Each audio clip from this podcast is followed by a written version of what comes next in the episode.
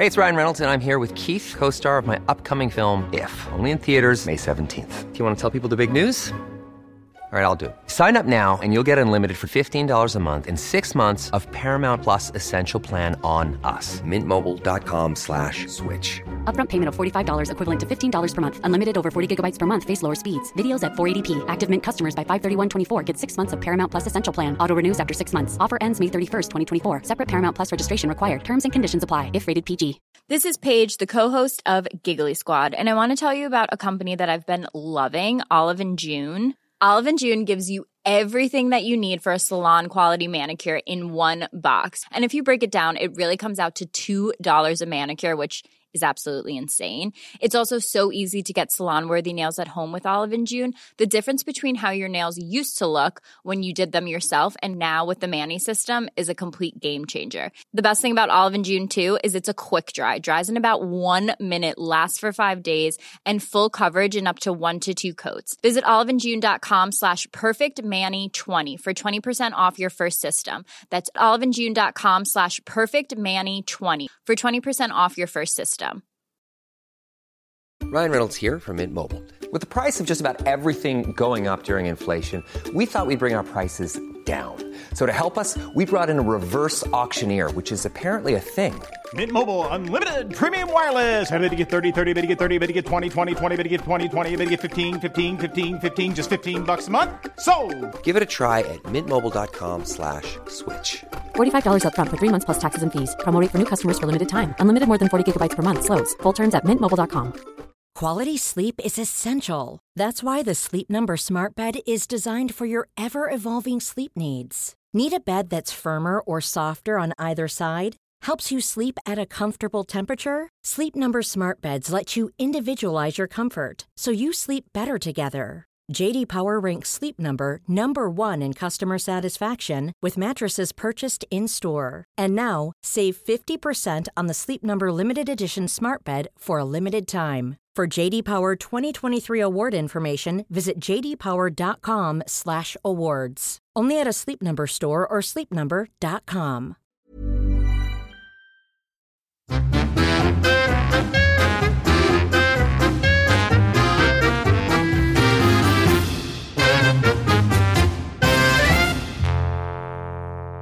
Välkomna till Inte din morsa, det stora Corona, corona. Du har precis sagt till mig att du har sars, jag säga. Att du kanske har haft corona. Jag flyttar lite.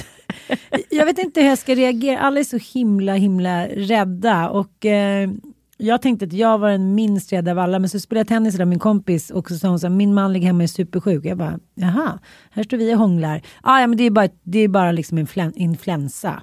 Och då blev jag lite så här eh, motvallskärring. För första gången kände jag så här, så då gick jag hem och handlade på Mathem för fem loppor. Ja. Och bara så här började bunkra hårt. Ja, men det sjukaste av allt det är att Mathem har ju då inga chaufförer som kan köra ut. Så jag har inte kunnat få hem mat tills idag. Och jag kan få mat först torsdag nästa vecka. Nej. Jo, och sen så när man går in och tittar på utbudet hos Mathem så är ju alla såna här raviolis, pasta, såser, alltså konserverna, de gamla hederliga så här, krigstidskonserverna. Ärtsoppor och bolognese på burk och så. Allt är slut. Det är så jäkla sjukt. Jag försökte för första gången i mitt liv ta alkogel. Stor pack också. Den är så jävla slut. Ja. Vet du att de säljer det på Blocket? Nej, Jo, du kan gå ut och så får du köpa för dubbla priset. det är så vi blir mångmiljardärer. Kommer över ett parti alkogel. Vi reser runt i Nynäs. Åh, nej, vi kanske inte ska skratta åt det, här, men Nej. det är ju faktiskt ett, Förlåt.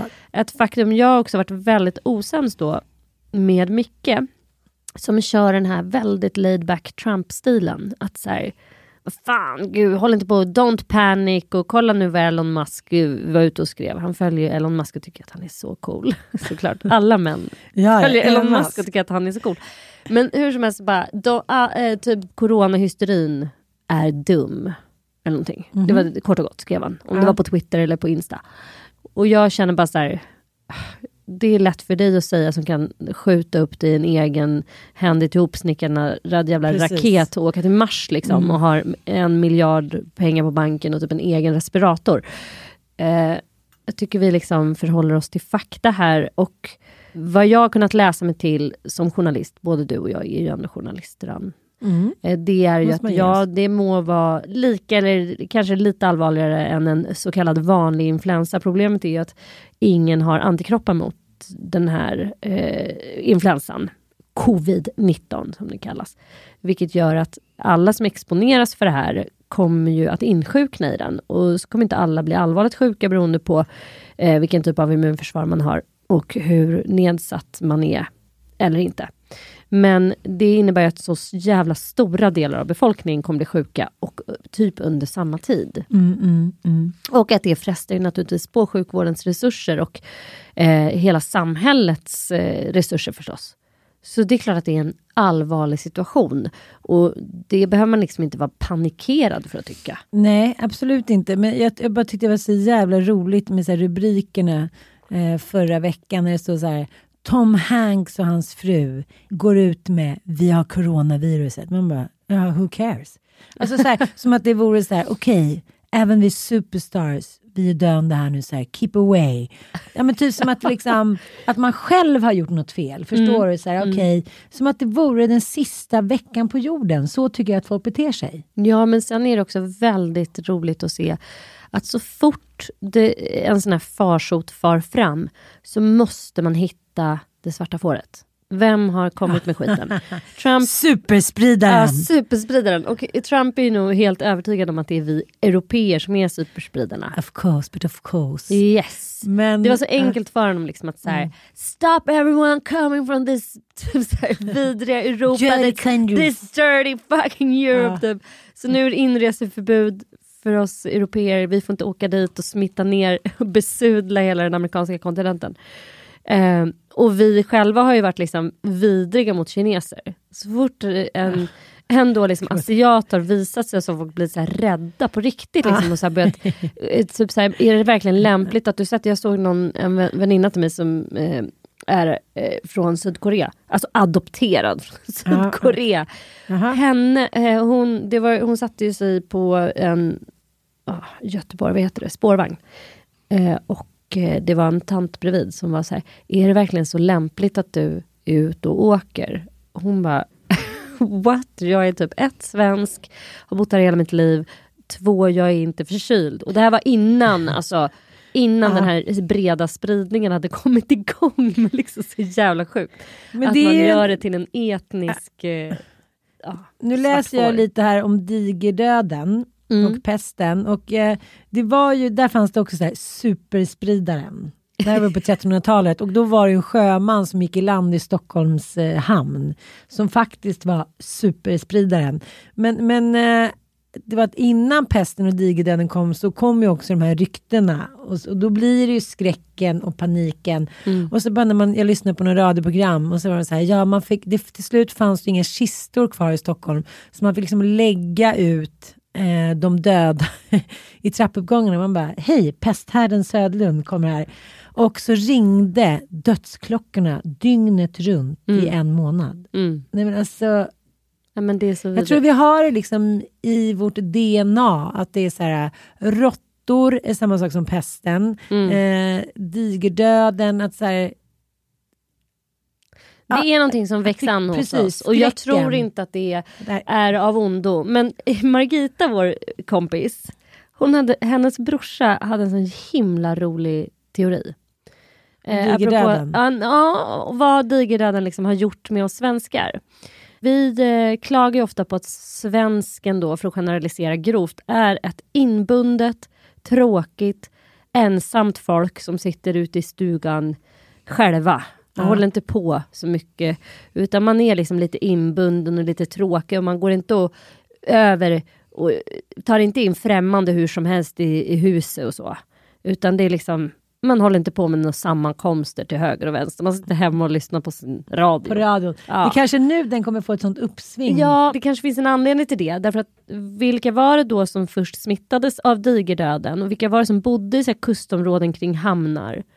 De happy-go-lucky-folket förstås. De sociala rackarna. Ja. De som verkligen så gillade att typ såhär, hej jag är sjöman. Jag så, Du ja. vet, alla skulle dö ut. Mello. skulle vara typ Nanne kvar. Alla som flock, flockas kring så här, nöjes... Eh, liksom, Nöjeshamn. flockas, ja, men hamnen Ja. som en, Du ser det som en metafor alltså, som en för metafor människor. Ja. för att vi liksom ska bunta ihop oss och ha kul tillsammans. Liksom. Och då, då blir det. Då kommer det. Kommer Guds Jo, straff. jag fattar. Men, I form av pesten jo, eller jo, men det är corona. också så här, men, eh, Magnus Eriksson som var kung, han så skickade ut så här, vi måste be mer, vi måste böna, vi måste liksom eh, göra råda bot för att det var Guds straff. Och den är ju bara så vidrig, för då är det verkligen som att Gud har valt ut det. Men de säger typ att en tredjedel av Sveriges befolkning gick under Mm. av digerdöden. Det är inte så här, ja det är inte liksom en gubbe på något van, vandrar på något äldreboende i Säffle. utan Så här, det är en tredjedel. I vår familj skulle det då vara två och en halv människa. Mm. Den halva skulle vara Frasse. Men, men så det är klart att det så här, sätter an någon, så här, någon super, superskräck. Men, men har, du, har du bunkrat? För jag började ju bara köpa så ljus, leksaker, blommor. Jag tänkte så här, ska vi, ändå, vackert här. ska vi ändå gå under? Ja, sen köpte jag några konserver bara för sakens skull, typ någon tomatpröss och lite frysta grejer. Men he, det där tycker jag, och då kände jag så här, är det för att jag börjar bli gammal? För jag tänker så här, allra äldre människor börjar hålla på med krukväxter, med odling, lite som att man går så bananas att man vill se någonting växa upp som man kan lämna efter sig. Då tänkte jag så här, är det det jag håller på med? Att jag vill ha så här, tulpaner, leksaker, började köpa så här löjrom. Ing, alltså, vä- ingenting, konserver, det tog emot. Jag körde tre stycken Kelda tomatsoppa. Ja, jag blev så här, Micke skulle direkt köra på såna här pölsa och konstiga så här. Men alltså, jag vet inte, han har någon förkärlek, alltså, som att så här, nu ska vi ut i krig, vi ska, liksom, så här, vi ska ha gasol, vi ska bara så här, köra på med det som pölsa. Olika. Typ, jag bara, men älskling vi har en frys, vi behöver inte ha konservburkar, det är jätteäckligt. Nej, men det han ville ha de här, det, det, det väcks någon nostalgi tror jag, någon slags känsla av att vara vad heter han, Rambo eller någon sån här annan överlevnadsmänniska. men jag, nej, jag har inte bunkrat, men jag insåg att jag borde ha gjort det nu när inte Mathem kunde köra hem. Så att Du jag, vägrar ta till affären. Jag vägrar ju det. Drottning Kristina. Jag kommer på mig grejer. Nej men jag måste ju göra det. Jag ska faktiskt gå till affären nu efter det här. Och det känns inte som en bra tid. Man vill gärna komma så här tidigt på förmiddagen när det bara är jag och två pensionärer typ. Men älskling, tror du att, så här, tror att det är så här, ryskt, ryskt handelsstopp, att du ska stå så här, tio timmar och vänta på att Nej men köpa? jag, det är ett faktum. Jag har inte varit, vi har ju liksom inte varit drabbade av någon sån här pandemi. Eh, under eh, min livstid, eller vår livstid. Det, det var ju lite panik där när svininfluensan var igång. Ja. Men då hittade de ju snabbt ett vaccin, vaccinerade typ halva befolkningen, eh, varav väldigt många fick ju biverkningar, trista biverkningar som fan, minst sagt, av det här vaccinet. Men det stoppade ju i alla fall spridningen. Nu eh, så står vi ju faktiskt för första gången inför, och jag har ju en av mina bästa barndomsvänner bor i Italien, i Reggio Emilia, där hon driver en hästverksamhet med ridresor. Hennes kunder är eh, amerikaner och svenskar företrädesvis. Och dels är ju hela hennes, he- hela hennes verksamhet är hotad för att hon, alla har ju ställt in. Och det, man får ju inte resa till Italien. Och eh, som grädde på det hennes säsong skulle ju dra igång nu. Mars, april, maj, juni, juli, augusti, september, oktober är deras högsäsong. Och eh, de här tre första månaderna är ju körda för dem.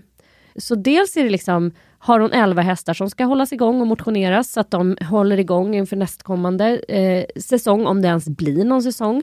Men sen är det en enorm ekonomisk förlust för dem. För att de ska ju, de, alltså säsongen måste ju bära sig. Annars så eh, går ju verksamheten omkull. Men det sjuka är att de är isolerade i kommunen. Och bara tanken på att jag ska då vara isolerad i Nynäshamns kommun gör mig jävligt shaky. Du kan inte hälsa på. Nej, vi kan inte hälsa på varandra. Och sen, eh, när hon, det enda som är öppet i Italien är matbutiker och apotek. Men det är inte bara att du kan gå till ditt lokala ICA, utan det är liksom en och en halv timmes lång kö. Det är krigstid. Du står i kö i en och en halv timme, sen släpper de in fem och fem åt gången i butiken och så är det vakter utanför. Och eh, när du går in så måste du handsprita dig och sen så desinficerar de hela den här, för att viruset eh, överlever ju väldigt bra på metall. Så kundvagnar och kundkorgar är, blir liksom bara sprayade med några desinfektionsmedel. Så att bara att liksom åka och handla är ett så gigantiskt projekt. Men det är Alla krigstider. krigstider, Det är en annan obehaglig grej. en eh, kompis till min brorsa, eh, hans dotter har förkylningsastma. Och de är inte jätterädda på, för att hon ska bli smittad, för det är liksom, ja, det, det, det är inte så dödligt det här viruset. Men det finns inga mediciner. Nej. Så hennes astmamediciner är liksom slut på varenda jävla apotek. Precis som det här med alkogelen. Och att folk bunkrar sig. Ipren och Alvedon, det går tydligen inte att köpa Ipren på alltså hela söder i stort sett. Eh, så att folk bunkrar och det drabbar liksom de som är sjukast och verkligen behöver grejerna som bäst. Det är också en sån grej som inte vi riktigt tänker på. Tänk att föda barn i den här tiden. Tror du att eh, man får förtur att sätta sin epidural? Don't touch my pussy. Man bara. Alla får typ så sterilisera sig i förebyggande syfte. Men kommer det bli så här nu som det brukar vara mm, när saker och ting... Kommer du ihåg när det var elen? Det, det fanns ingen el på typ tre dagar för Mm. några somrar sedan. Så jävla mycket kids som föddes, du vet. Det pippades i stuga och i lägenhet. För vad ska man göra då? Det är helt mörkt, man tänder några ljus och så ingen tv, inga gears, liksom, ingen microwave. Så jag tänker så här, det kanske liksom ändå, särskilt i Italien där de har otroligt låg, låga födelsetal. Tjejerna vill inte förstöra sina kroppar, de vill inte vara hemma och ta hand om de snoriga ungar. Det kanske är på det sättet, inte för att vi behöver fler barn, men, men om man ska se något positivt i det. Jag kan tycka också att det är ganska skönt att man inte behöver ta något beslut själv. Att det är så här, tyvärr Ann, du kan inte åka dit nu för det får du inte. Tyvärr Ann, ja, men nästa vecka hade jag tre kvällsgrejer och jag var så här, åh gud, nu har jag tackat ja till lite för mycket grejer. Nu bara, tyvärr blir det ingen middag, tyvärr blir det ingen sån. Jag bara säger, jag är fri och ledig, det är en sån här dionysisk verklighet. Jag kan säga, sitta hemma och dricka vin och dansa disco. Jag vet inte. För dig själv. Helt ensam. Isolerad. Jordens mest sociala människa, Ann Söderlund, ska Men- överleva det här. Det är kanske därför jag känner mig sociala befriad. Ja, jag tror det. Att du blir påtvingad klosterlivet. Ja, jag kanske skulle passa som nunna. Med din munk, Mattias. Min, jag ska be honom eh, skaffa en liten påle, eller att säga, en liten sån här, vad heter det, munkfrisyr. Munk- Ben och rak. kommer bli mycket rollspel i stugorna. Ja. Det jag tror också vi eh, har färskt i minnet, eller i alla fall våra äldre, den äldre generationen, spanska sjukan. Kallades spanskan, ovanligt svår och dödlig form av influensa som spreds över hela världen i slutet av, eh, och strax efter första världskriget. Och det sjuka med den här influensan var att de flesta dödsoffren var unga eh, vuxna som hade god hälsa. Till skillnad från vi övriga då influensaepidemier när barn och gamla personer med försvagat immunförsvar drabbas hårdast. Så min farfars pappa dog i spanska sjukan och han var ju en fullt arbetsför kar uppe på ett bruk i Roslagen. Och han dog och han var just så här 40 år gammal och liksom en, en stor och stark karl. Eh, den här pandemin varade mellan mars 1918 och juni 1920, så under två år. Och den nådde såväl Arktis som avlägsna öar i Stilla havet. Det dog Va? mellan 50 och 100 miljoner människor till följd av spanska sjukan. Det är den eh, pandemi som har skördat flest liv i mänsklighetens historia på så kort tid. Antalet döda motsvarar 3-6 procent av världsbefolkningen som då bestod av 1,6 miljarder människor. Så att det är det som är Reglementet. 500 miljoner eh, infekterades alltså uppskattningsvis. Och 3-6 procent av den alltså, dog. Och det, det är det man pratar om, dödligheten. Hur hög dödligheten har, har den här influensan om man var, jämför med vanlig influensa. Och man, man tror ju nu att den har mellan 2 och 3 procent eller något sånt där. Men det vet man inte riktigt eftersom de allra sjukaste som har kommit in och testats för corona, det är just de som har låtit sig testas. Det kanske flyter runt massor med människor där ute som har corona men som inte dels vi vet om. Alltså de är inte räknade eftersom de inte är testade. Och kanske då inte så allvarligt och det, då sjunker ju procenten. Så det är tydligen alltid hö, högre då procentsatser eh, i början av en sån här pandemi. Så brukar det plana ut, men man vet inte. Men grejen är att det är ändå intressant med liksom mänskligheten, att hur den reglerar sig själv. Det är, liksom, det är ganska intressant hur det så här, hela tiden så här, återkommer som ett litet reglemang. Att så här, nu blir det för mycket, nu måste vi visa, nu ska vi ha respekt. Ja, det är intressant. Men, eh, och igår så eh, var jag på um, en eh, teater, eller ja, ja teater, föreställning, Klara Zimmergren. Åh, var du på den? Ja, Vad fick inte jag följa med för? men du fick det, jag satt på rullstolsplats. Är det sant? gud vad Ja, härligt. ja, jag Var det bra? henne. Ja, det var jättebra. Jag älskar henne också. Mm. Hon är väldigt, alltså, hon är både krass och sårbar och det tycker jag också är roligt i den här nya tv-serien Dejta Mm. som går, eh, där hon spelar då huvudrollens eh, svägerska som är så här, ja, men sitt inte här och tjata bara, du får gå ut och knulla med en då. Ja, eh, man ser saker ganska tydligt men kan ändå på något sätt härleda till sig själv med sina brister. Hon, hon kom ut, hon var liksom chef på något ställe, och så kom hon ut och stod hennes yngre personal och snackade om att hon skulle till Barcelona. Och då var hon så här, ah fan vad kul, bara, har du varit i Barcelona? Typ som att hon var så här 700 år. Så här, Barcelona, ja. Då så bara skulle hon tipsa om lite grejer. De bara, kul. Typ så här, du vet den känslan så här, ingen bryr sig om dina tips längre. Nej. Ingen bryr sig om vad du har köpt din tröja. Det är så här, it's over. typ för att man ska gå och käka chips. Det, det finns en tid när man kan känna så här, jaha, nej okej. Jag är inte riktigt betrodd Nej, längre. jag är inte riktigt med. Med det, så jag gillar verkligen henne och eh, det handlade om eh, ja, livets olika stadier och då tog hon bland annat upp det här men, saker som betydde så otroligt mycket när man var liten. Hon läste ur sin dagbok. Mm. Och där har jag ju inte varit stabil. Jag har ju inte varit någon dagboksantecknare utan jag börjar några glada dagar och så ska skriva med hull och hår. Och sen blir jag så sjukt uttråkad. Så jag är verkligen en datorperson. Tack gode gud för datorn. Så här, det går snabbt, det går att behålla. Man kan liksom... Men, det- men det är ju någonting också det här med att bara skriva för skrivandets skull. Nej. Jag, mitt skrivande har bara blomstrat när jag vet att det har en mottagare. Jag vet. Typ som breven. Jag, var ju världens, Ja. jag hade ju så massa brevvänner. Alltså, jag tänker att det fanns en tid, jag försökte förklara för mina barn varför jag, jag hade en hel pärm med brevpapper. De bara, vad, vad är det här mamma? Konstiga ku- kuvert med olika liksom, uh, ja, lux på de här Ja, brevpapperna. och doft. Det fanns Dofter doftbrev och små små scratchy scratchy och grejer. Ja, Ja, men det var ju för att jag hade massor med brevvänner och så fort jag hade en mottagare så skrev jag utav helvete. Men att sitta och skriva en dagbok utan att någon skulle läsa, nej. Är Men liksom... jag tänker de flesta av genierna har ju skrivit dagböcker som då 50 år senare, 20 år senare efter min död och sådär får mm. publiceras. Och det Tror kanske... inte du att de redan då haft en tanke på att någon ska hitta dem? Typ de har. Virginia Woolf har bara såhär, Ja, ja. suttit och... Superredigerat Ja. bara. "Ah, Han träffar den här mannen med en supersnorre. Alltså, Nej men det är klart att de har tänkt så här, det här kommer någon annan att läsa. Ja. An, Anis Nin, alltså alla. Ja.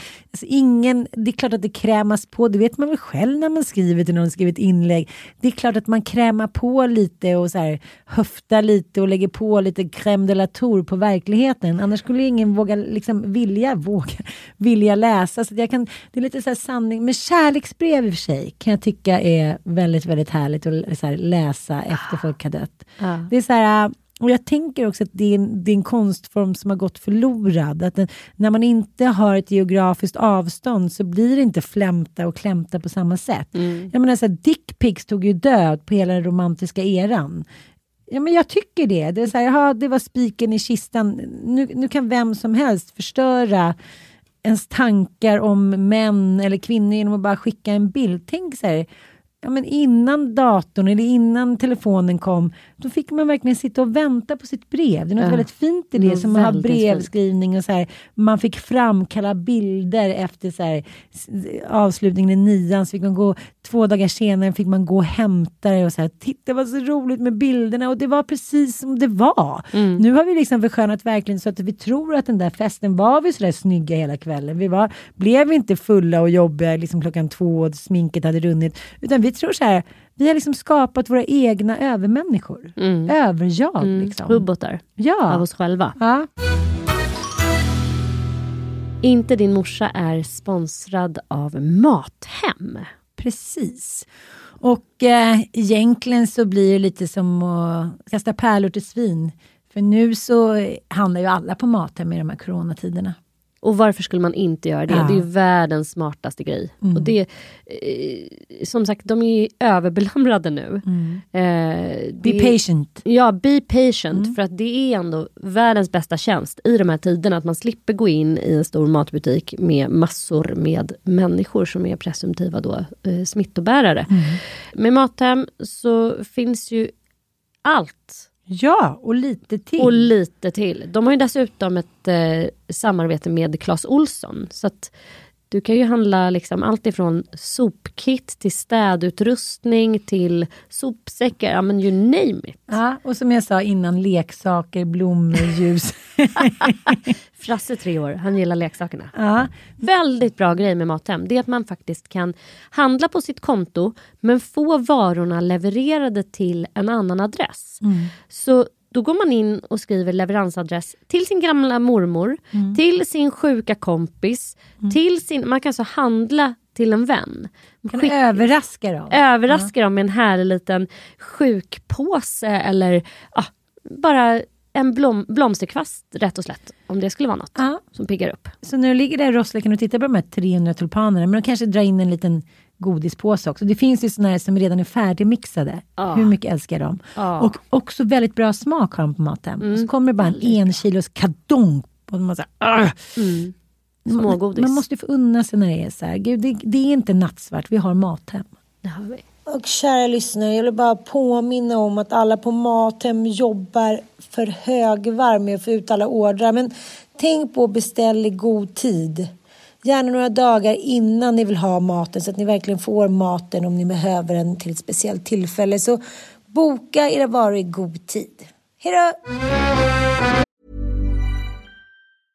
This is Paige, the co-host of Giggly Squad, and I want to tell you about a company that I've been loving, Olive and June. Olive and June gives you everything that you need for a salon quality manicure in one box. And if you break it down, it really comes out to $2 a manicure, which is absolutely insane. It's also so easy to get salon worthy nails at home with Olive and June. The difference between how your nails used to look when you did them yourself and now with the Manny system is a complete game changer. The best thing about Olive and June too is it's a quick dry, dries in about one minute, lasts for five days, and full coverage in up to one to two coats. Visit oliveandjune.com slash perfectmanny20 for 20% off your first system. That's oliveandjune.com slash perfectmanny20 for 20% off your first system. Hi, I'm Daniel, founder of Pretty Litter. Did you know cats tend to hide symptoms of sickness and pain? I learned this the hard way after losing my cat, Gingy. So I created Pretty Litter, a health monitoring litter that helps detect early signs of illness by changing colors, saving you money and potentially your cat's life. Pretty Litter is veterinarian developed, and it's the easiest way to keep tabs on your fur baby's health right at home. Go to prettylitter.com and use code ACAST for 20% off your first order and a free cat toy. Terms and conditions apply. See site for details. Hey, it's Ryan Reynolds, and I'm here with Keith, co star of my upcoming film, If, only in theaters, May 17th. Do you want to tell people the big news? All right, I'll do it. Sign up now and you'll get unlimited for $15 a month in six months of Paramount Plus Essential Plan on us. Mintmobile.com slash switch. Upfront payment of $45 equivalent to $15 per month. Unlimited over 40 gigabytes per month. Face lower speeds. Videos at 480p. Active Mint customers by 531.24 get six months of Paramount Plus Essential Plan. Auto renews after six months. Offer ends May 31st, 2024. Separate Paramount Plus registration required. Terms and conditions apply if rated PG. One size fits all seems like a good idea for clothes until you try them on. Same goes for healthcare. That's why United Healthcare offers flexible, budget friendly coverage for medical, vision, dental, and more. Learn more at uh1.com.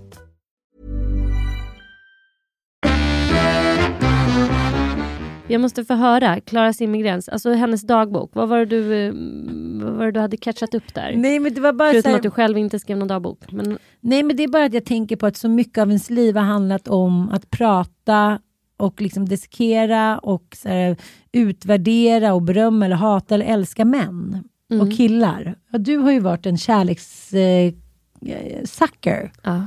Du har verkligen liksom trippat och kickat på kärlek. Och det har jag också gjort, men jag tror inte på samma sätt. Jag har inte älskat kärleken i sig själv. Jag har bara så här älskat människor och haft lätt för att bli kär. Jag har inte liksom trånat så mycket. Jag kan lika gärna tråna efter en fotbollsmatch på något sätt.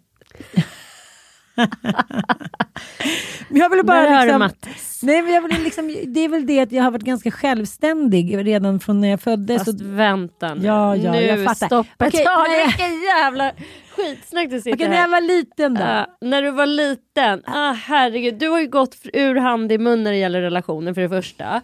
Du har inte sovit ensam en enda natt. Och när du, de få gånger, den enda gången jag har sett dig in dig. singel i tre månader, då var det en och annan så att säga som passerade revy. Det var det. Det blev nästan buskis. Verkligen. Men- Där kan jag säga låg, ligger jag i lä. Så det står härliga jo, till. Du ligger alltid i lä när det gäller den grejen. Du har verkligen inte legat De i. få ska gånger jag varit singel, då har jag levt i askes. Nej, det, ja, I total, vad heter det? precis. Men sen har det varit lätt att fånga. Ja, lätt fångat, lätt förgång. Mig blir du inte av med. precis. Nej men just det att hon bara säger, idag har han tittat på mig två gånger. Han är kär i mig igen. Ja men så att man hela tiden gjorde sina egna roliga supertolkningar. Mm. Han är ihop med Kenny Mooney typ. Men jag tror att det är någonting på gången. Idag har han tittat på mig nio gånger. Men, men jag, jag undrar, för jag har ju också tänkt så här att men jag är kärlekssucker och jag är kärlekstorsk och sådär. Men jag undrar också, har det inte väldigt mycket med åldern att göra? Om man nu ut, lite som jag gillar då och då, att gå in och tänka på oss som biologiska varelser och djur. Att vi, liksom, vi blir könsmogna i puberteten. Och just kring den åldern och, och fram tills vi är liksom så här 25 eller typ får vårt första barn. Det är då det här jävla mejtandet håller på. Det är då man håller på och tindrar, pratar om relationer, ältar relationer. Men jag tänker så här, mina två bästa tjejkompisar som jag haft sen vi var verkligen tio år gamla. Eh, vårt umgänge från tioårsåldern fram tills mm, 30-årsåldern gick ju bara ut på att analysera killar. Mm. Analysera relationer, är det här rätt för mig? Är han dum i huvudet eller är han inte det? Har vi bra sex eller har vi det inte? Eh, är det här en rätta? Och så vidare och så vidare liksom, i all oändlighet. Nu när vi träffas, vi pratar ingenting om våra relationer. Nej. För nu är alla stabila, alla barn Ja, alltså dels lever alla i stabila relationer så många år tillbaks. Sen är, de flesta har nog liksom tillverkat de barn som ska tillverkas tror jag.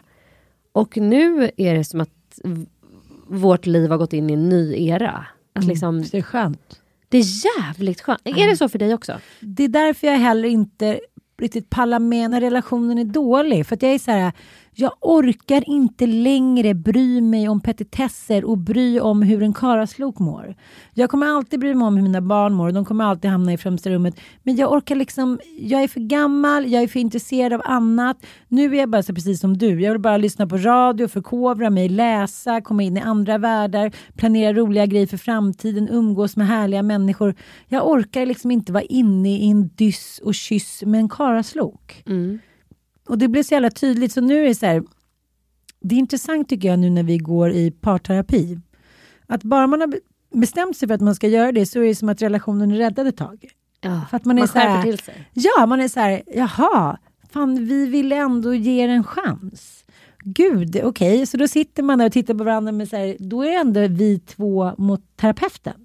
Även fast den kanske skyller, liksom skäller på den ena en liten stund och säger att den andra har gjort si så är man ändå så här, "Haha, du tror att vi egentligen behöver dig så himla mycket och, och ah, ah, det kanske vi gör men så här, vi gick ändå hit, eller hur? Så att vi vill ju ändå vara ihop. Det är Mm, liksom... Så du ska inte försöka komma åt oss. Nej, jag tycker bara att det är så intressant den där känslan. Man kan sitta och typ hata varandra också inne i det där varannan minut och sen så när hon går på lite för hårt är det så här, ja fast ändå, där är han, han är ju en superfarsa ändå.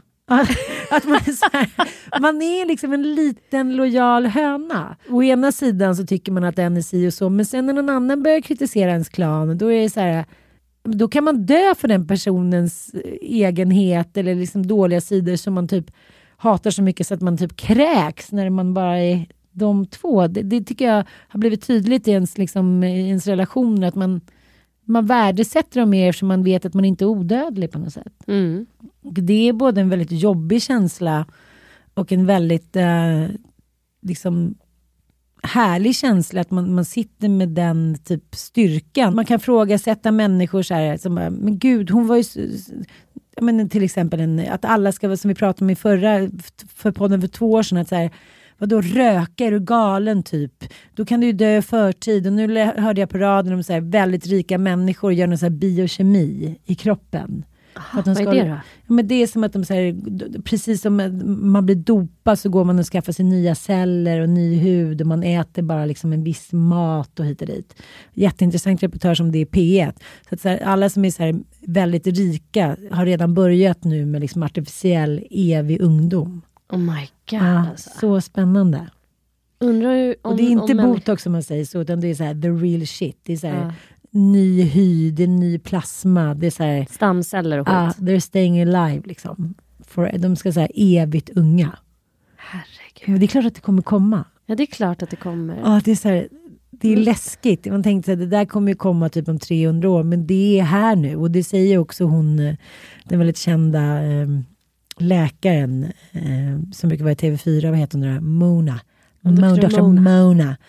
Eh, Jag var på en föreläsning med henne på Grand Hotel. Hon var så här, håll er vid liv i 20 år, sen kommer vi kunna leva för alltid. Nej. 20 år bara. Sa det? Ja. Fan, vad obehagligt. Jag vet, jag bara kände så här, hi, hi. det kommer bli liksom sån elitistisk värld. Mm. Vilka som kunde, kunde hålla sig unga och fräscha och få nytt blod och nya stamceller. Det har ju redan skett framför våra ögon tycker jag ändå. Om man ser nu Petter Stordalen och eh, Gunhild. Gunhild. Alltså den sjukdomen som hon har Mm. blivit frisk från nu. Alltså hon var ju död redan när hon fick beskedet. Mm. Hon har liksom överlevt från den. Och det kan man ju bara göra om man är miljardär. Mm. För att det är någon, nå- hon har ju fått nya stamceller, hon har ju liksom varit hos de bästa hos de bästa. Jag skulle ju varit död efter två veckor om jag fick den sjukdomen. Det är faktiskt så enkelt. Mm. Och eh, det kan jag också känna med, med den här nya satsningen med Camilla Läckberg. att Jag kan känna att så här, jag har svårt för den där världen. Som att, Vad är det för satsning med Camilla Läckberg? ja, men för eh, kvinnor. Mhm, Ja. Kvinnovård. Ja, kvinnovård. Att man så här, de är kritiserade för att det är bara människor med pengar och tycker de ändå att det är väldigt bättre att det finns ett alternativ. Men socialisten och sadisten, eller att säga, socialisten och så här, den evigt liksom, kollektiva hjärtat i mig. Jag, jag tycker att det är jobbigt. Det var ju som samma sak när Att det blir barnsjukhuset så Martina ja. öppnade. Alltså Mm. jag, det gick sönder i mig. Att, eh, att man ska kunna köpa sig förbi vårdköer och att Ja. man ska kunna köpa sig till eh, bättre vård genom att då betala ett månatligt abonnemang Mm. liksom, på ett privat barnsjukhus. Jag stod liksom inte ut med Nej. den tanken, även om jag själv hade haft möjlighet eh, att betala det. inte. Det tror jag inte. Nej, liksom, och att det var så här, Ja. folk pratade om att det var en spottstyver och um, alla har väl råd med 200 spänn i månaden som det billigaste abonnemanget kostade och sådär. Men det är liksom inte det det handlar om. Det, det är det att vi också då går emot hela tanken att de svårast sjuka ska ha rätt Ja. till hjälp i första hand. Mm. Eh, som, som vår liksom gemensamma vård, vår landstingsvård. Eh, det är så den funkar, liksom, att de svårast sjuka ska ju såklart ha mest vård. Och, Ja. Eh, så är det ju bara. Men, men å andra sidan, det blir så när, när det är så kallade krigstider. Det är som de italienska läkarna säger, vi måste ju välja. Mm. Det är så här, där ligger liksom eh, någon som är sjuk som är yngre, ja, Mm. då får den överleva. Gamlingarna får liksom offras. Så absurt alltså. Ja, men det är så det alltid har varit. När vi vandrade runt på steppen. Det var ju inte så att Leffe farfar fick bronkit och gick och hostade och knappt kunde gå. Det var ju inte så att de tog honom på ryggen och bara farfar. Utan, eller vi stannar här en stund. Det var ju så här, sorry we love you man, gotta go. Det, ja men det var ju så. Det är liksom, En elefant som bara får stanna kvar och Ja. inte pallar med att hänga med. Nej, men det, är- det är Herregud. supersorgligt. Men samtidigt, så här, Elon, min eh, 16-åring, han hade, är 15, jag vet inte hur gamla de är än. Det är också en så här skön grej att man är så här, who cares, I love them. Eh, men han hade problem med sina tår, du vet, han hade på med Ja. sina tår och det är liksom blödigt, han har suttit och pillat. Bla, bla. Det har varit nageltrång som har gått åt helvete. Precis, liksom på båda tårna. Mm. Eller? Jo, på jo båda. var, ja. Han har inte kunnat åka skidor, det har i och för sig varit bra för honom ibland när han inte har velat vara med på grejer. har kunnat skylla på sina tånaglar. Mm. Men till slut var det så här, den vanliga vården, alltså det gick inte. Han led så mycket så då ringde vi faktiskt. Så han opererade sina tår hos Martina. Barnsjukhuset Martina. Ja. Och det fick ni betala för då? Ja. Vad fick ni betala? Men typ tre och sex kakor per tå typ. Nej, Jo. vad sjukt. Varför funkade inte den vanliga vården här? Men för att det blev liksom inte bra. Mhm. Och det var så här, då skulle man han få vänta på operation och då skulle det ta hur lång tid som helst och jada, jada, jada. Liksom. Ja. Så att då, men det var faktiskt snok, snokfarfar, mitt ex, som, som tog tag i det. Dunder eh, kommunisten också. Ja, jag vet. And he paid for it as well. det där har ju varit en jävla Skippa rolig transformation eh, för mig. Att, så här, att se honom gå från en så här hippie-snubbe Ja.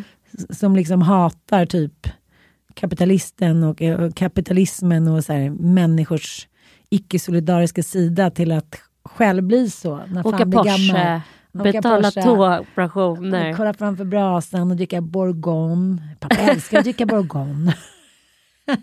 Han har blivit en burgen, liksom halvrik man. Ja. Och jag kan gilla det. Jag kan gilla att så här, Synd att du så att säga inte fick vara med när, när han gjorde den resan. Ja, det, det är väldigt synd tycker Det jag. är typiskt Ja. på något sätt.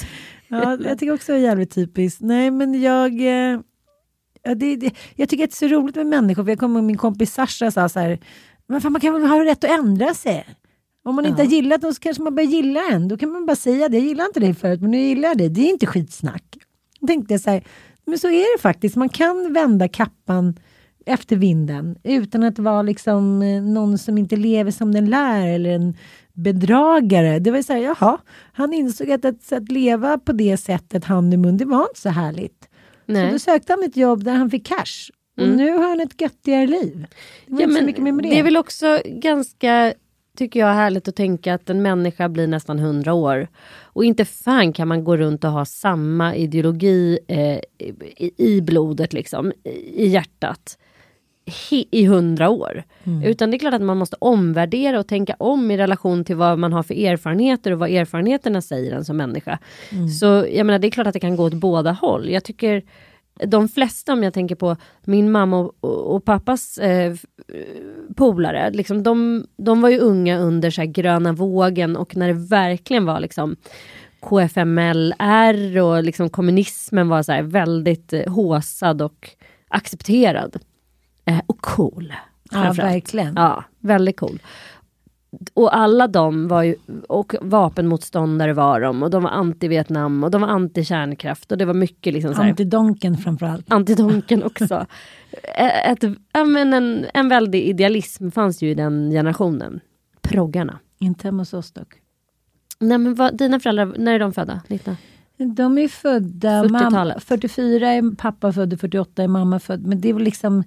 Pappa var ju arbetarunge och mamma var inte det. Men hon kom från Eksjö. Det var ju inte så att någon stod och rökte liksom en spliff i hörnet. Nej på, men det var nog mer en, som sagt en storstadspryl liksom. Och också en så här, lite övre medelklasspryl och en bildningsfråga. Universitetet, hela liksom, det började ju här när det var så här kår, eh, studentkåren, det var här det vart liksom, Gärdesfesterna och allt det där. Eh, men hur som helst så alla de lever ju i stort sett gott i- sina feta bostadsrätter eh, och lever ju ganska blåa liv idag, skulle jag säga. När fan blir gammal liksom, på något sätt. Man vill ha det tryggt och bra och sen så har vi ju också kunnat göra de här klassresorna i Sverige. Så helt plötsligt så sitter man där och, och har en väldigt bra lön, en väldigt bra inkomst. Varför ska man inte placera dem i en bostadsrätt då? Vad ska man göra med pengarna egentligen?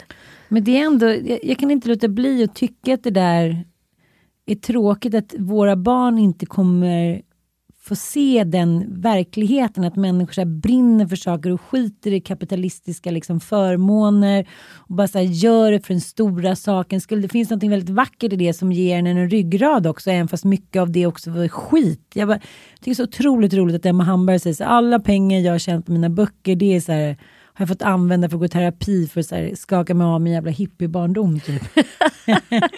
Nej, bara så här, alla är allas barn liksom, lite urbefolkningstänk liksom. Alla är allas barn. Och det kanske är svårt att helt plötsligt efter så här, tusentals år av kärnfamilj, vilket det ändå har varit i Europa, så bara okej, nu ska killarna, nu, hon hade berättat om några kompisar som heter killen och tjejen, hade de döpts till. De skulle faktiskt inte stöpas in. Och man skulle inte veta vad som var kille och tjej hit och dit, det var fritt och härligt. Och det är klart att det skapar en kärleksfull känsla, men jag älskar ändå det där uttrycket att, så här, att barn är små, små kristdemokrater. Är det Liv som har sagt det eller?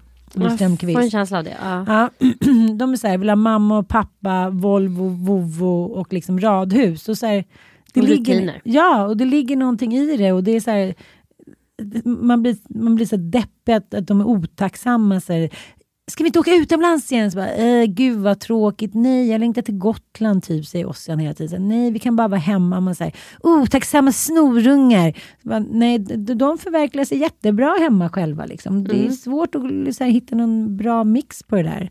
Så att jag tycker det är lite tråkigt, för våra ungar har ju varit kapitalistiska sedan de var ett år gamla. Sitter Frasse sitter och så här, beställer grejer på Mathem. Han bara, De kör ju verkligen så Donald Trump-stilen.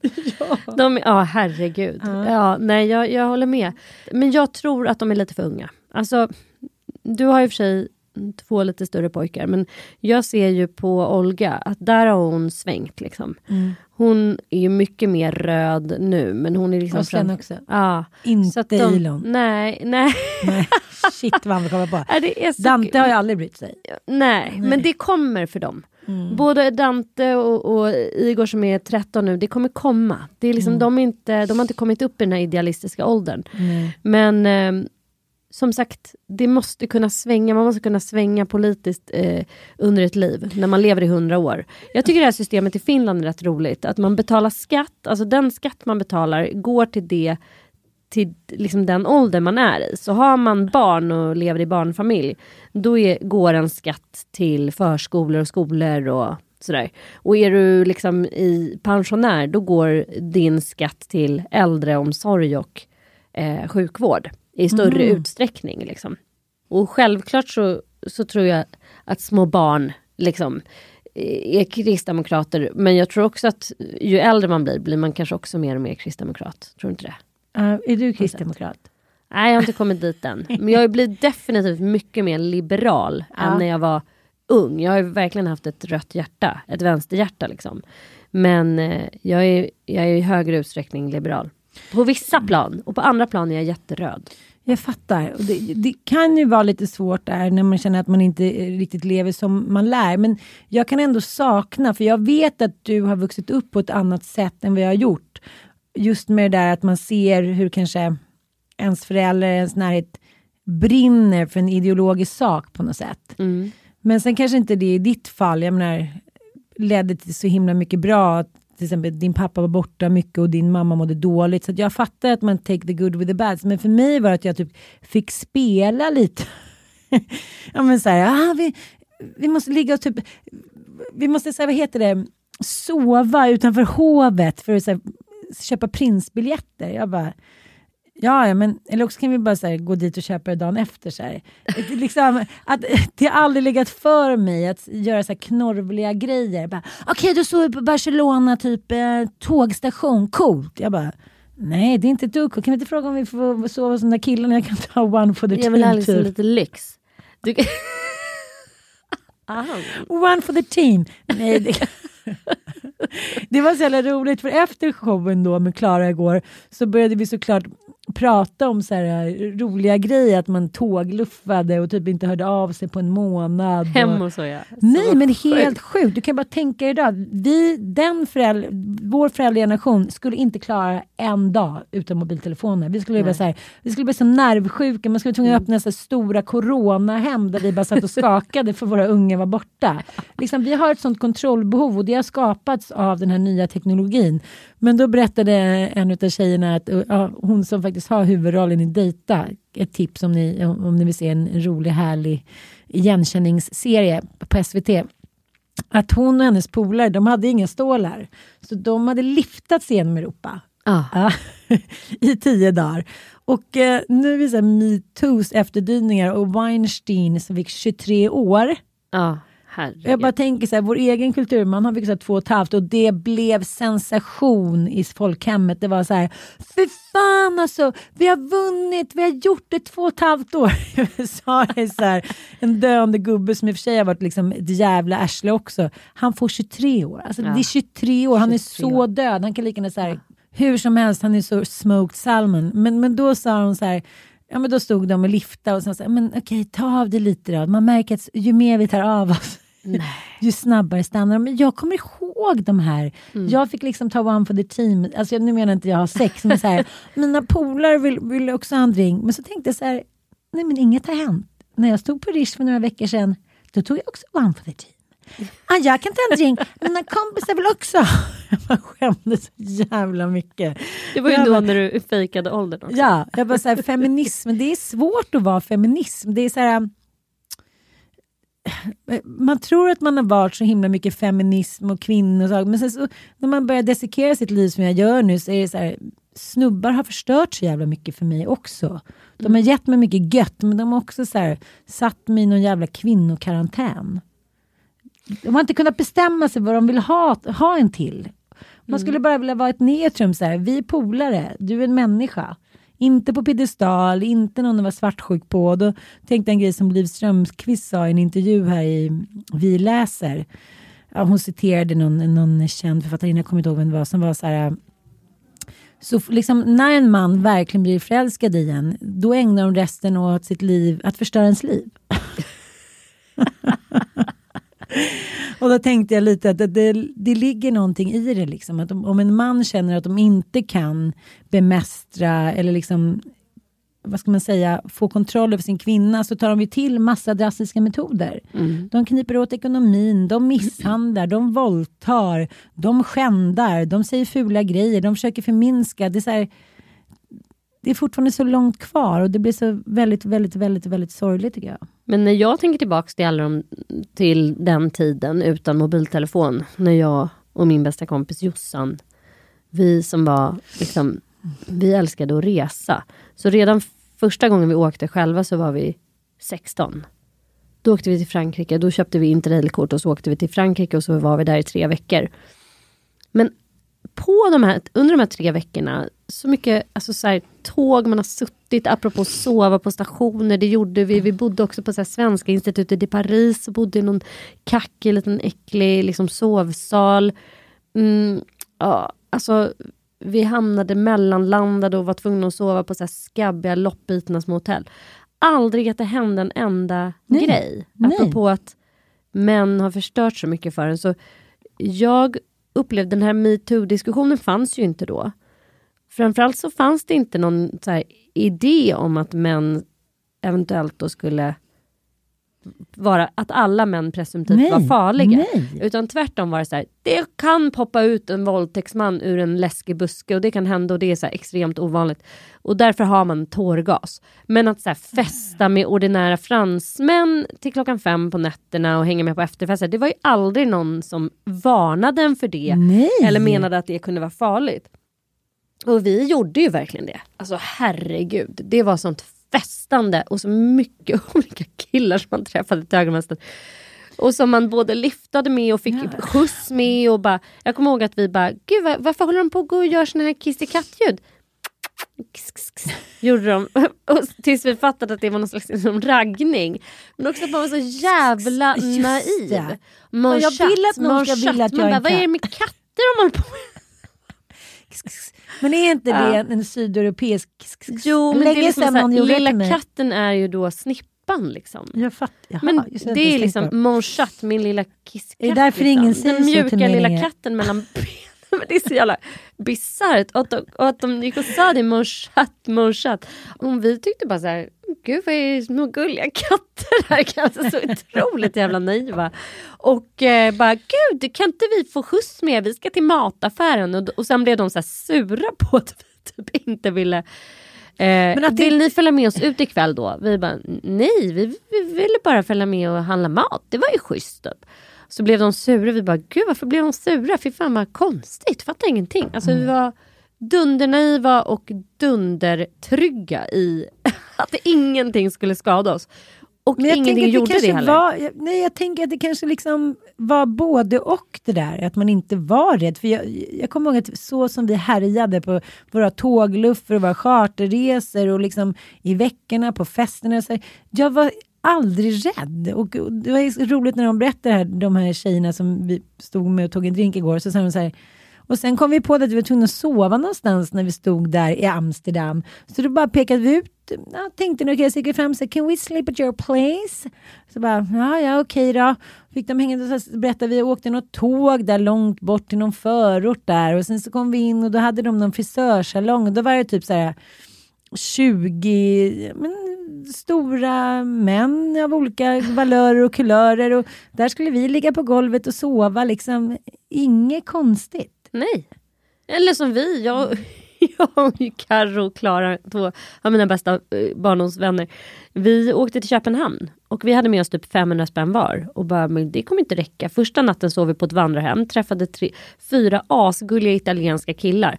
Som vars mammor, är inte det här bara så mycket eh, italienskt liksom oh, mammakärlek.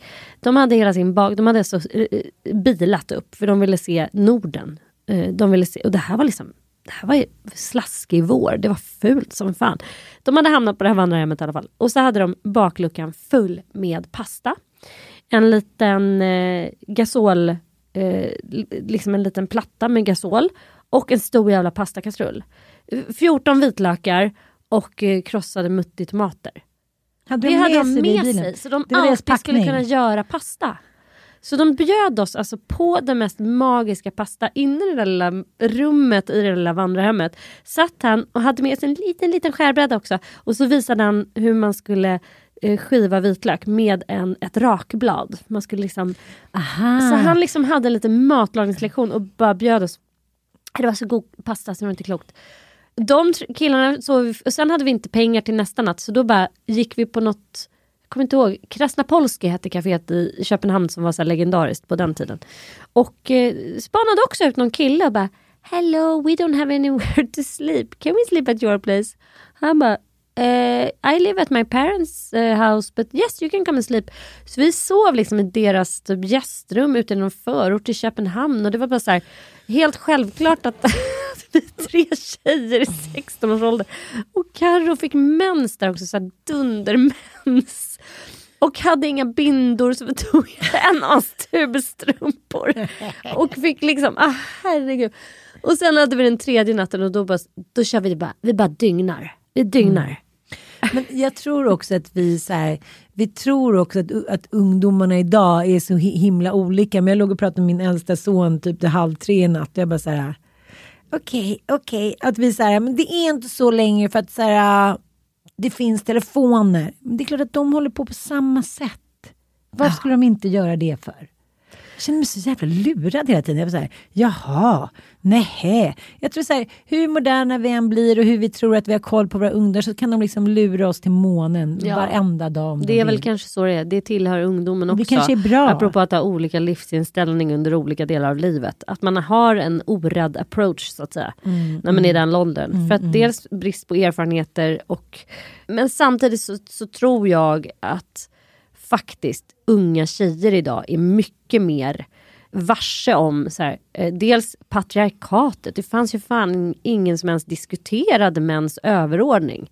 Det var någonting som jag eh, blev bekant med första gången jag var 19 år och läste Simone de Beauvoir. Det var ingen som pratade om det Nej. innan dess. Och jag menar, det fanns ju inte ens genusvetenskap på, på universitet och högskolor. Så det är klart att det finns en helt annan eh, alltså diskurs och en samhällsdiskussion om liksom, mäns överordning och mäns makt också. Eh, och att, hur det kan påverka oss. Och som du sa nu, så här, jag no- hade nog aldrig hört någon säga att liksom, män har förstört. Jo, det är klart morsan.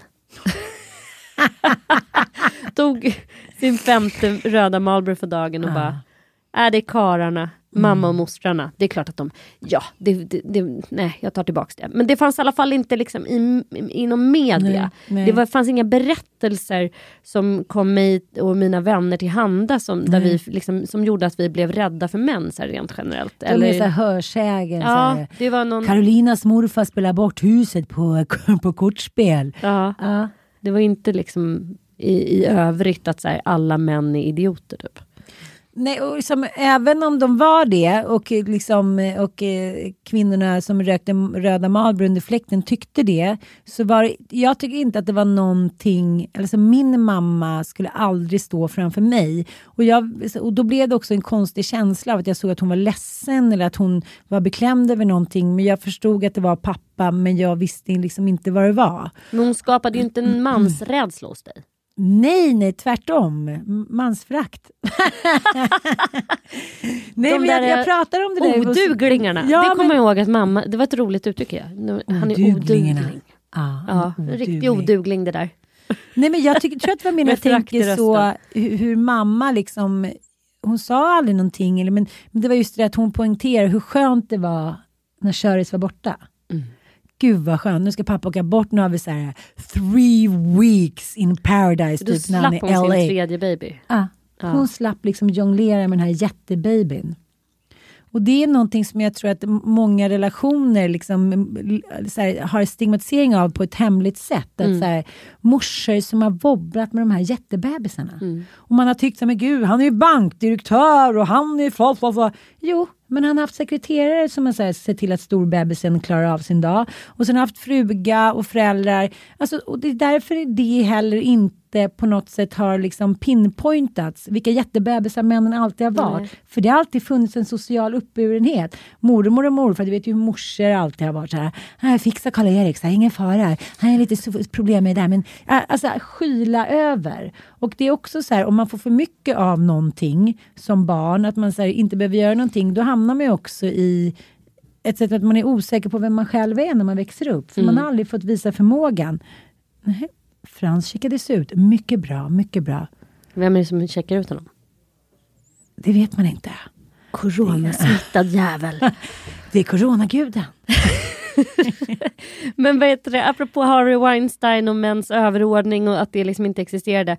Eh, fy fan vad underbar The Morning Show är. Jag Har du sett den serien? Nej, alla pratar om det. Jennifer Aniston, alltså hon gör ju sitt livsroll. Det handlar ju om eh, The Morning Show, ett morgonprogram. Mm. Amerikas största morgonshow. Liksom. Åh, gud vad sugen jag blev. Ja, men den, den här är så bra. Och det här är liksom den första serien som har gjorts eh, på metoo-tema. Fantastisk alltså. Åh, gud. Ja, Du vet två första avsnitten man bara doink så är man så na- Alltså det är det enda jag vill göra nu. Jag vill bara stäng, stänga Ah, in mig och ligga och kolla. Den sänds ju då på Apple TV, den nya Apples nya produktionsbolag och liksom pro- produkt eller vad man ska säga. Mhm. Som får eh, en stor fana. För grejen är att i april har vi bestämt hos terapeuten idag. Då ska Mattis åka bort två dagar med barnen. Och jag får inte lägga mig. Är det sant? Jag ska inte fixa. Hon sa där, att du inte blev sjuksköterska eller läkare, det är för mig en chock. Hon bara, jag förstår inte hur hur du inte har kunnat bli det. Fixa, ordna, fixa. Så att jag får inte göra någonting. Han jag, ska hitta på någonting själv ja, med dem. och jag måste få veta när det är. Och jag har så mycket planer för den här helgen nu. Ah. Ja, så det är väldigt bra mycket. Synkront ska han få samma läxa. Men jag tänker ändå att det vore en bra synkronisk grej att så här, de gör det samtidigt. Då kan vi kolla på den här serien, jag kollar ikapp. Mm. Vi kan bara götta oss hela helgen, vi kan ha tjejmiddag. Jag ska skriva. Ja, Mm. och för fan kan vi Åh. kolla det? Jo, men Förstår ta reda på datum nu. Ja. Förstår du? Gud vad underbart. Regel, regel, regel. Och så Kittelfjäll, där vi ska gå Kittelfjäll. i... Och Kittelfäll, I miss you. Kittelene, Kittelene. Tack för idag. Vi är så glada att vi är med er. Jag, jag vill också bara säga till er Ja. som lyssnar, jag har fått så himla många PM och om hur PM, mycket... heter det DM? Heter det det? Skicka ett DM. Pinpointare. Direct a message. Det heter Eller DM. heter DM? Ja, ja, ja, ja. whatever. Ni har skickat liksom stuff på Instagram och på Facebook om hur mycket ni gillar podden. Ja, det så gör mig så roligt. jäkla glad. Det är sjukt roligt. Skicka, fortsätt skicka, jag blir jätteglad. Verkligen. Tydligen tror sen att det var hon som får såna, men jag får också PM. DM. Jag får handskrivna brev, rosor, present. Och gå gärna in och recensera oss. Ja men gör det. Helst bra. Ja. Puppu, lev väl i coronatider.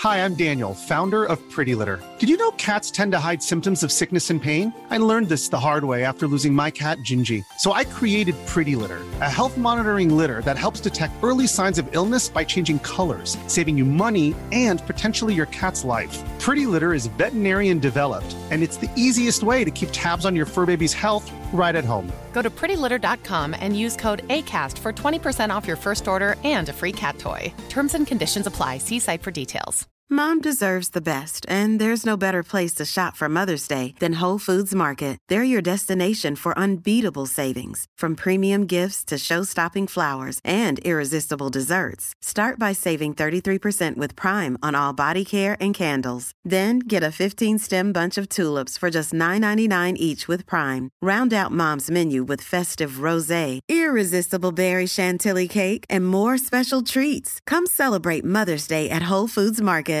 Hey, it's Paige DeSorbo from Giggly Squad. High quality fashion without the price tag. Say hello to Quince. I'm snagging high-end essentials like cozy cashmere sweaters, sleek leather jackets, fine jewelry, and so much more. With Quince being 50 to 80% less than similar brands.